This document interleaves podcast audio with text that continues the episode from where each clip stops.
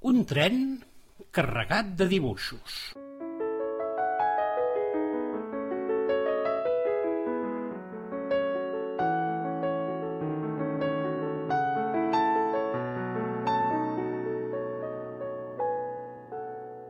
Hi havia una vegada un noiet que no volia fer dibuixos. No li agradava de dibuixar, ni pintar, ni embrutar-se les mans. Tot el que feia eren guixades com un nen de guarderia i prou. Les feia de pressa i corrents i de seguida donava el dibuix per acabat.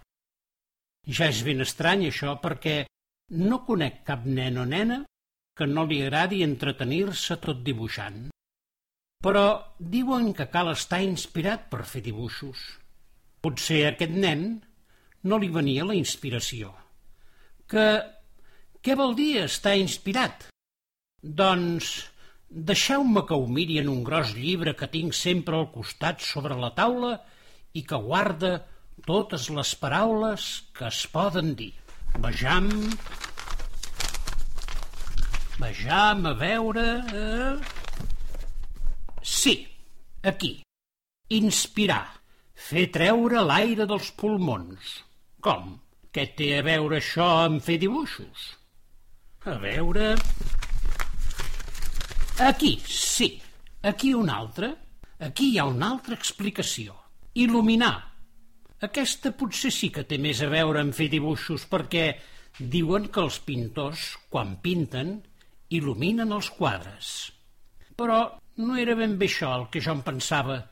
Potser és que he de barrejar les dues coses i pensar que pintar és una cosa que ve de dins nostre cap a fora, com quan traiem l'aire i il·lumina un paper. Aleshores és quan s'agafen els colors i pintes. Ja està, això és la inspiració. Potser aquell nen no en tenia d'inspiració, si més no, això és el que deia la mestra als seus pares. A aquest nen li falta la inspiració. I els pares li deien al noi el mateix, que si no pintava era perquè no tenia inspiració, però que un dia o altre ja li vindria.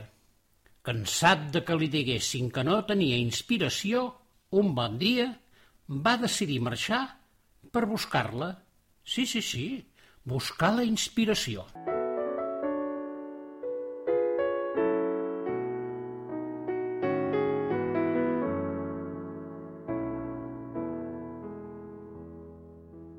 Va caminar un munt de dies i va dormir als llocs més inversemblants.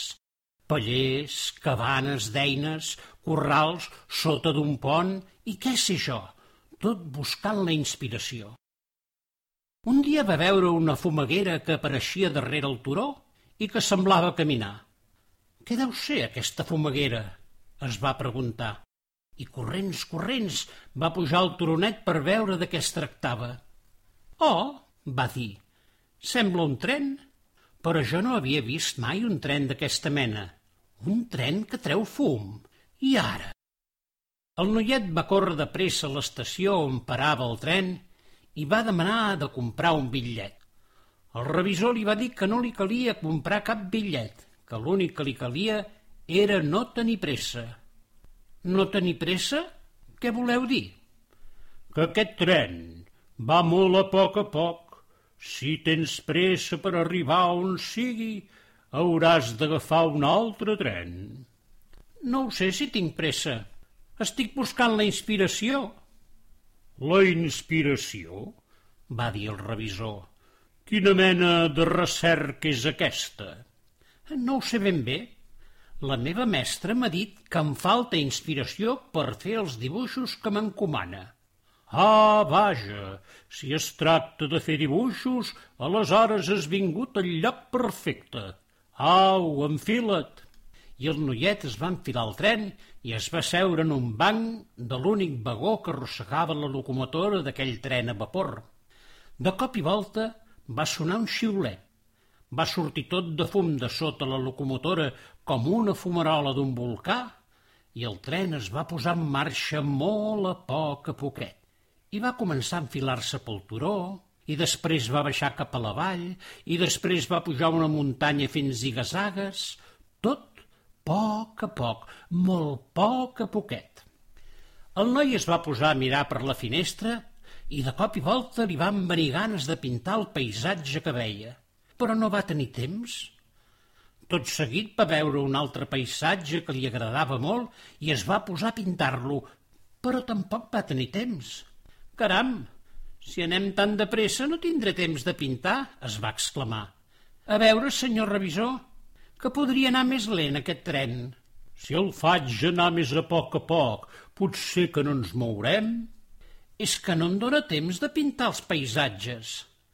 Aleshores et recomano que no pintis, que els miris, els guardis en el teu cap i quan arribem a la propera estació pintis tot allò que els teus ulls han vist.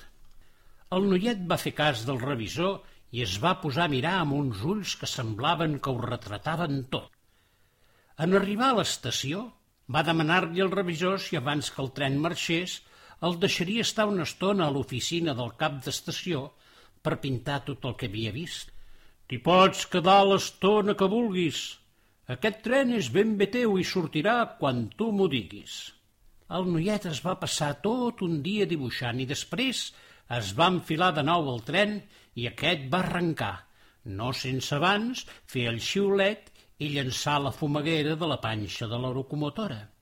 I així s'hi va passar una colla de dies fins que el revisor li va dir que ja havien arribat a l'última estació, que era precisament davant de casa seva. Caram, va dir el noiet, fins a casa m'heu portat. Aquest tren et porta fins allà on tu vols. No volies tornar a casa teva? I per cert, tants de dies junts i no m'has dit com et dius? Em dic Jair. Jair és un nom molt bonic. Veuràs, Jair, jo ja sóc vell i aviat voldré descansar. No t'agradaria pas ser el revisor d'aquest tren? Potser sí, però quan sigui més gran. Aleshores, ja saps on trobar-me, darrere el turó. I de nou el tren va fer el xiulet, va treure la fumarada de la panxa de la locomotora i va marxar molt a poc a poc, a poc a poquet. El noiet va entrar a casa tot content. Els pares l'esperaven i volien saber si havia trobat la inspiració. Doncs no ho sé. El que sí sé és que he fet un munt de dibuixos. I els hi va ensenyar. Els pares no se'n sabien avenir de veure tants dibuixos i tan bonics. Per això van trucar de seguida la mestra del Jair i li van demanar si podien muntar una exposició a la sala del teatre de l'escola, que com era cap de setmana, la prepararien perquè el dilluns tothom pogués veure els dibuixos d'en Jair. El dilluns, quan els mestres i els alumnes van arribar a l'escola, volien entrar delerosos per veure aquella exposició tan misteriosa. Tothom va quedar bocabadat i meravellat dels dibuixos d'en Jair – la notícia es va escampar per arreu i fins i tot un crític d'art va venir a l'exposició. Aquest noi és un geni, un Picasso, va dir el crític. Que més em meravella és el detall amb què ha pintat el tren a vapor. A tots els quadres hi surt. I era cert, en tots els dibuixos de paisatges que havia pintat en Jair, sempre hi apareixia el tren a vapor molt ben pintat. Veig que t'has fixat molt en aquest tren, Jair. Doncs la veritat no m'hi he fixat gens. Només feia que fixar-me en els paisatges que es veuen des de la finestra del tren, i prou. Aleshores és que la teva inspiració t'ha dut a pintar la cosa més bonica que vas veure. No cal dir que en Jair va fer una gran rialla. Per fi havia descobert què era allò de la inspiració. D'ençà d'aquell dia, en Jair va tenir una falera pels trens i els que més li agradaven eren els que anaven a poc a poc, ben a poc a poquet, i que donen temps per veure els mil quadres que apareixen per les finestres. Si en Jair va arribar a ser el revisor d'aquell tren, no ho sé, perquè en Jair encara és un nen.